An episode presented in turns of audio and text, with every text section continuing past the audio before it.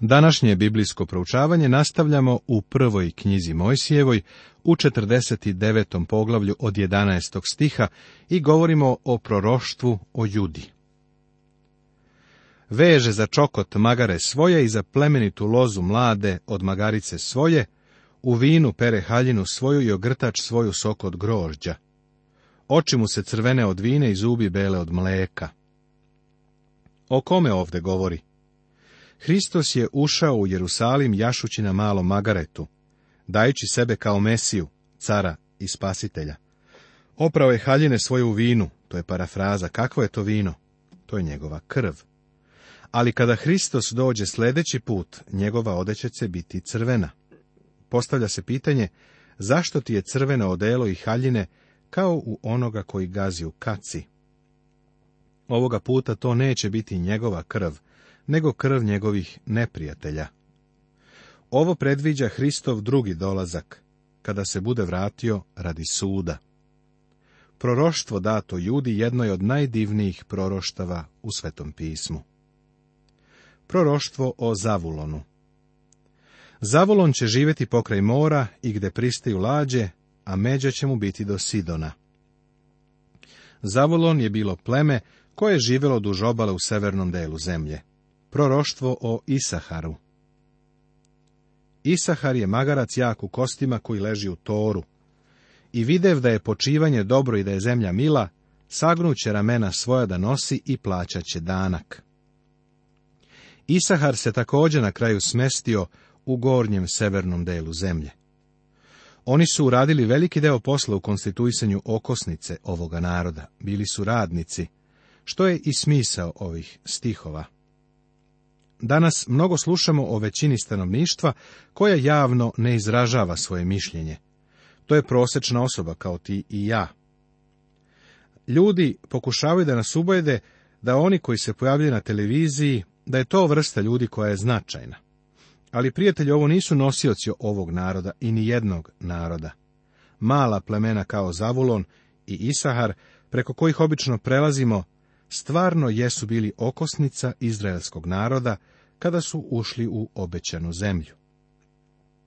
Proroštvo o danu Dan će suditi svojemu narodu kao jedno između plemena Izraeljevih. Dan će biti zmija na putu i guja na stazi, koja ujeda konja za kičicu, te pada konjik na uznako. Gospode, tebe čekam da me izbaviš danu će biti potrebno spasenje od gospoda, jer će dan biti jedno od plemena koje će voditi u pobunu. Vidjet ćemo to kasnije dok budemo proučavali sveto pismo. Proroštvo o gadu A gad njega će vojska svladati, ali će najposlije on nadvladavati. Ovo je bilo još jedno pleme koje se smestilo u severni deo zemlje. U stvari dan je bio na krajnjem severu, tako da kada se opisuje raspon izraelske zemlje, kaže se ovako, od Dana do Virsaveje. Proroštvo o Asiru i Neftalimu. U Asira će biti obilata hrana i on će davati slasti carske. Neftalim je košuta puštena i govorit će lepe reči. Kao što sam već ranije spomenuo, jedan kolega sa teološkog fakulteta napisao je tezu o ispunjenju svakog ovog proroštva u vezi sa 12 jakovljivih sinova. Ja sam nisam ovo proučavao, ali ako si student, vidjet ćeš da je ovakvo istraživanje vrlo korisno. Svaka osoba kojom se Biblija nadalje lično bavi, potiče iz jednog od Izraelovih plemena. Proroštvo o Josifu Josif je rodna grana, rodna grana kraj izvora, koje se ogranci raširiše svrh zida. Josif je napustio Hanan, i otišao u Egipat, ali je i tamo još uvek bio Božiji svedok. Kasnije će njegovi sinovi Jefrem i Manasija otići na teritoriju koja je u kasnijoj istoriji poznata kao Samarija. U Hristovo doba ovaj prostor je nazivan neznabožačkom teritorijom. Bilo je to veliko mesto za svedočenje i evanđelje je otišlo u tu oblast. Sam naš gospod je tu služio, u Jovanu u četvrtom poglavlju imamo zapis o tome kako on svedoči Samarijanima, a prvo ženi na bunaru. Ako ga i ucveliše ljuto i streljaše nanj i biše mu neprijatelji strelci, opet osta jak luk njegov i ojačaše mišice ruku njegovih od ruku jakoga boga Jakovljeva, odakle posta pastir, kamen Izraelu od silnoga Boga Oca tvojega koji će ti pomagati i od svemogućega koji će te blagosloviti blagoslovima ozgo s neba, blagoslovima ozdo iz bezdana, blagoslovima od ojaka i od materice.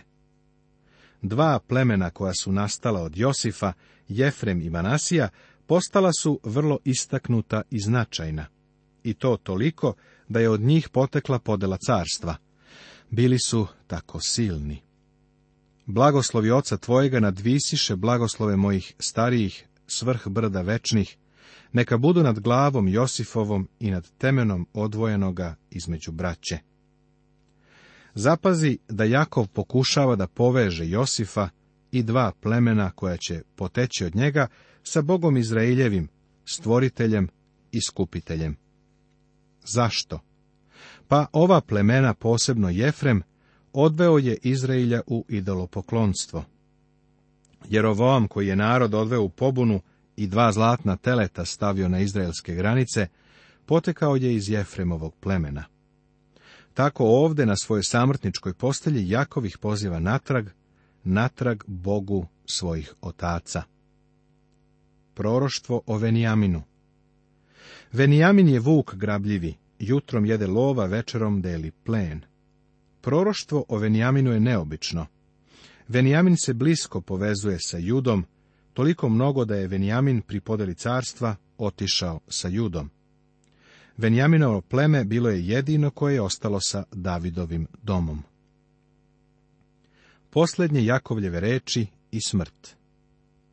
Potom im zapovedi i reče im, kad se priberem krodu svojemu, pogrebite me kod otaca mojih u pećini, koja je na njivi Efrona Heteina.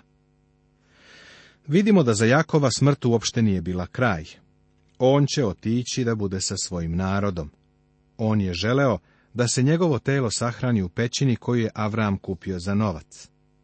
Hteo je da bude siguran da će u toj zemlji ostati sve do dana kada će biti vaskrsnut iz mrtvih, da bi ponovo živeo u svojoj zemlji. U pećini koja je na njivi Makpelskoj prema Mamriji u zemlji Hananskoj, koju kupi Avram s njivom u Efrona Heteina, da ima svoj grob. Možemo vidjeti koliko mnogo je ovaj čovek poznavao porodičnu istoriju. Ne mislim da je u to vreme sa sobom nosio pisani zapis, ali je podatke nosio u glavi. Onde pogreboše Avrama i Saru, ženu njegovu, onde pogreboše Isaka i Reveku, ženu njegovu, i onde pogreboh Liju on nije naročito zainteresovan za to da bude sahranjen sa Lijom, nakon svega Rahilja je sahranjena u Vitlejemu, nego želi da bude sahranjen tamo gde će biti podignut iz mrtvih u toku vaskrsenja, da bi bio tamo onda kada Bog ispuni obećanje narodu Izraela. A kupljena je njiva i pećina na njoj u sinova Hetovijeh. A kad izgovor Jakov zapovesti sinovima svojim, diže noge svoje na postelju i umre i pribran bi k rodu svojemu. Zanimljivo je vidjeti da sve do posljednjeg momenta Jakov drži noge na podu. On je započeo život kao čovek tela. Držao se za bratovljevu petu pri rođenju, pa su mu zato dali ime Jakov, istiskivač. Živo je baš prema tom imenu, koje je stvarno bilo njegova osobina. Držao se svega što je mogao pronaći i uvek se trudio da bude prvi. Počeo je četvoronoške i uzimao je sve što je želeo, bilo kojim metodom. Kao mladić hodao je na svoje dve noge u svoj snazi i sposobnosti. Oslanjao se na sobstvenu veštinu i dovitljivost. Mislio je da može sam za sebe da brine i da mu Bog nije bio potreban. Bio je sam sebi dovoljan, svojevoljan, siguran u sebe, agresivan, odvratan i vredan prezira. Na Fanuilu Bog ga je obogaljio. Bog je morao da ga ukoči, da bi ga dohvatio, a mislim da je Bog bio spreman i da mu polomi vrat. Nakon toga, kroz život je išao hramljući. Morao je da ide na tri noge, jer je koristio palicu ili štap za hodanje, jer više nije mogao da hoda sam. Ovde, neposredno pre smrti, on sedi na krevetu, oslanjajući se na svoju palicu. Došlo je vreme. Podiže noge na krevet, odlaže palicu i leže da bi umro. To je Jakov. Prošao je dug put kroz život. Okončava posljednjim činom vere, radujući se danu kada će biti podignut iz mrtvih u svojoj zemlji prema Božjem obećanju. Shodno veri pomreše svi ovi neprimivši obećanja, nego ih samo iz daleka videše i pozdraviše i priznaše da su stranci i došljaci na zemlji. Poglavlje 50. Ovo poglavlje nam govori o Jakovljevoj sahrani u Hanaanu i o Josifovoj smrti i sahrani u Egiptu. Zato ovdje u ovom posljednjem poglavlju prve knjige Mojsijeve imamo prizvuk tuge. Već smo skrenuli pažnju i istakli smrt u prvoj knjizi Mojsijevoj. Bog je rekao Adamu, jer u koji dan okusiš njega umrećeš. Apostol Pavle je kasnije pisao, stoga, kao što je posredstvom jednog čoveka greh ušao u svet, a grehom smrt, tako je smrt prešla na sve ljude, jer su svi zgrešili. Knjiga postanja ili prva knjiga Mojsijeva je potpuni ili pravi primjer činjenice greha i stvarnosti smrti. Ovo počinje sa Bogom i čovekom u Edenskom vrtu i završava se u mrtvačkom kovčegu u Egiptu. Ova knjiga je ispričala ulazak greha među ljude, ali govori i o vernosti Božjoj kojom je on obezveđivao put života za čoveka. Jakovljeva sahrana u Hananu Tada Josif pade na lice ocu svojemu i plaka nad njim celujući ga. On je žalio naravno, voleo je svoga oca. I zapoved Josif slugama svojim lekarima da mirisima pomažu oca njegova i lekari pomazaše mirisima Izrailja. Znamo da su Egipćani bili stručnjaci za mumificiranje u Egiptu. Imali su metod kojim bi očuvali tela, metod koji mi još ni danas nismo saznali. Tako Josif poziva lekare da balsamuju njegovog oca. Na sahrani se ne smejemo, ali ne mogu da se ne smešim pri pomisli na to kako od starog Jakova prave mumiju. I verujem da je njegova mumija i danas na Hevronu. Seti se, on je zahtevao da se odnese i sahrani u pećini u Makpeli, jer je njegova nada zemaljska nada. Kad bude podignut iz mrtvih, bit će tu u svojoj zemlji sa izraelskim narodom. Nada današnjeg vernika, člana crkve gospoda Isusa Hrista, jeste da će biti podignut u oblake, u susret sa gospodom, i da će otići na mesto zvano Novi Jerusalim, gore u svemiru. To su dve različite nade i obe su divne. I navrši mu se četrdeset dana, jer toliko dana treba onima koje pomažu mirisima. I plakaše za njim misirci sedamdeset dana.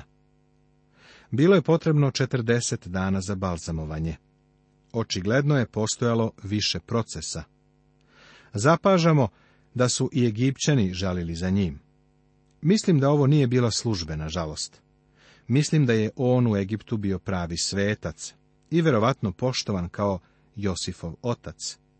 Josif je bio izbavitelj, ali verujem da je njegov otac Jakov u to vrijeme bio pravi Božiji sveti čovek. A kad prođoše žalosni dani, reče Josif domašnjima faraonovim govoreći, Ako sam našao milost pred vama, govorite faraonu i recite. Otac me je moj zakleo govoreći, evo, ja ću skoro umreti, u grobu mojem, koji iskopah u zemlji Hananskoj, onde me pogrebi. Pa sada da idem da pogrebem oca svojega, a posle ću opet doći. A faraon mu reče, idi, pogrebi oca svojega kako te je zakleo. I ode Josif da pogrebe oca svojega, i s njim pođoše sve sluge faraonove, starešine od doma njegova i sve starešine od zemlje Misirske. Vidiš kako je ovaj čovjek bio veoma poštovan, voljen i cijenjen u Egiptu. Ovo je verovatno najduža pogrebna povorka koju je svet ikada video. Protezala se skroz od Egipta do Hevrona u Hananu. A sav dom Josifov i braća njegova i dom oca njegova, samo decu svoju i ovce svoje i goveda svoje ostaviš u zemlji Gesemskoj. Čovjek bi se zapitao da li je faraon naredio da ostave decu i stada samo da bi bio siguran da će se vratiti. Faraon nije želeo da izgubi Josifa, jer mu je još uvek bio potreban. I pođe sa njim i kola i konjika toliko, da beše vojska vrlo velika. A kad dođoše na gumno Atadovo, koje je sa onu stranu Jordana, plakaše onde mnogo i vrlo tužno. I Josif učini žalost za ocem svojim za sedam dana. A ljudi iz one zemlje, Hananejci, kad videše plač na gumnu Atadovu, rekoše, u velikoj su žalosti misirci. Zato prozvaše ono mesto s onu stranu Jordana, žalost misirska. I učiniše mu sinovi njegovi, kako im beše zapovedio. Odnesoše ga, sinovi njegovi u zemlju Hanansku, i pogreboše ga u pećini na njivi Makpelskoj, koju kupi Avram da ima svoj grob u Efrona Heteina prema Mamriji. Možda se pitaš zašto Jakov nije sahranjen sa Rahiljom u Vitlejemu, koji verovatno nije udaljen više od tridesetak kilometara na sever. Verujem da je razlog ovde naveden.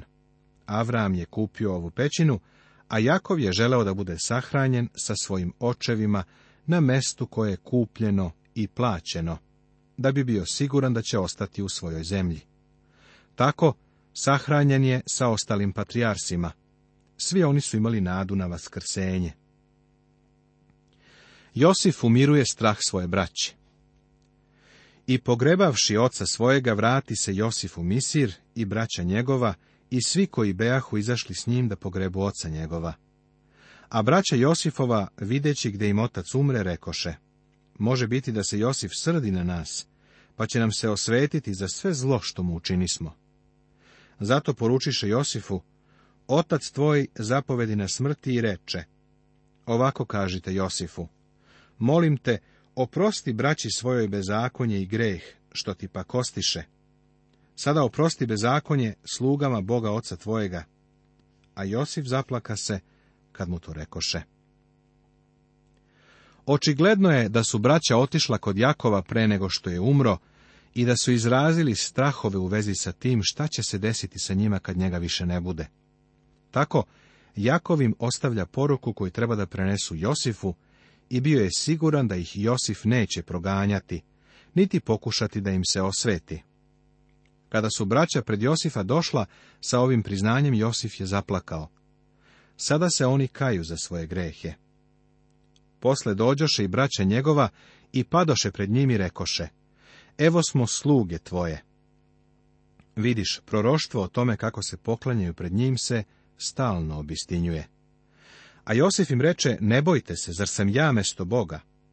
Josif u svakom slučaju Bogu daje slavu. Evo sada divnog biblijskog stiha. Vi ste mislili zlo po me, ali je Bog mislio dobro, da učini što se danas zbiva, da se sačuva u životu mnogi narod. Prijatelju, Bog ima dalekosežni cilj koji ti i ja ne vidimo.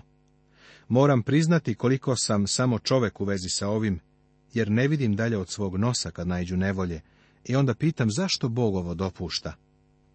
Treba da pamtimo da on ima u vidu dobar cilj. On neće dozvoliti da se desi išta što ne bi izašlo na dobro u tvom životu. Poslušaj sada Josifa. Ne bojte se dakle, ja ću hraniti vas i vašu decu. Tako ih uteši i oslobodi. Tako življaše Josif u Misiru sa domom oca svojega i požive sto i deset godina. I vide Josif sinove Jefremove do trećeg kolena. I sinovi Mahira, sina Manasina, rodiše se i odrastoše na kolenima Josifovim. Mislim da ovo znači da je Josif postao čukundeda. Josifova smrti sahrana u Egiptu. I reče Josif braći svojoj. Ja ću skoro umreti ali će vas zacelo Bog pohoditi i izvešće vas iz ove zemlje u zemlju za koju se zakleo Avramu, Isaku i Jakovu. I zakle Josif sinove Izraeljevi reče, zaista će vas pohoditi Bog, a vi onda odnesite kosti moje odavde. Potom umre Josif, a beše mu sto i deset godina. I pomazavši ga mirisima, metnuše ga u kovčeg u misiru. Ovako se završava prva knjige Mojsijeva, knjiga postanja. Počinje Božijim stvaranjem neba i zemlje, a završava se mrtvačkim kovčegom u Egiptu. Šta se desilo sa ljudima? Greh je provalio u Božije stvorenje. Zašto Josif nije bio odnesen u Hanan i tamo sahranjen? Mislim da je očigledno da je Josif bio heroj u Egiptu, pa njegove porodici ne bi bilo dozvoljeno da tada njegovo telo prenese iz Egipta. Josif kaže svom narodu, kad se budete vratili u Hanan, moje kosti nemojte ostaviti ovde. Josif je verovao da će Bog svoj zemaljski narod podići da nasledi obećanu zemlju. Poslanica jevrejima ovo spominje kao vrhunski čin vere u Josifovom životu. Verom Josif na samrti spomenu izlazak sinova Izraeljevih i zapovedi za kosti svoje. U izlasku u drugoj knjizi Mojsijevoj vidjet ćemo kako je divno Bog uvažio Josifa i uslišio njegovu molbu. Mojsije i deca Izraeljeva poneli su Josifove kosti kada su napuštali Egipat. Poštovani slušaoci, završili smo naše biblijsko proučavanje prve knjige Mojsijeve. Naše sljedeće proučavanje Evanđelja po Mataju otpočinjemo u ponedeljak. Prijetno!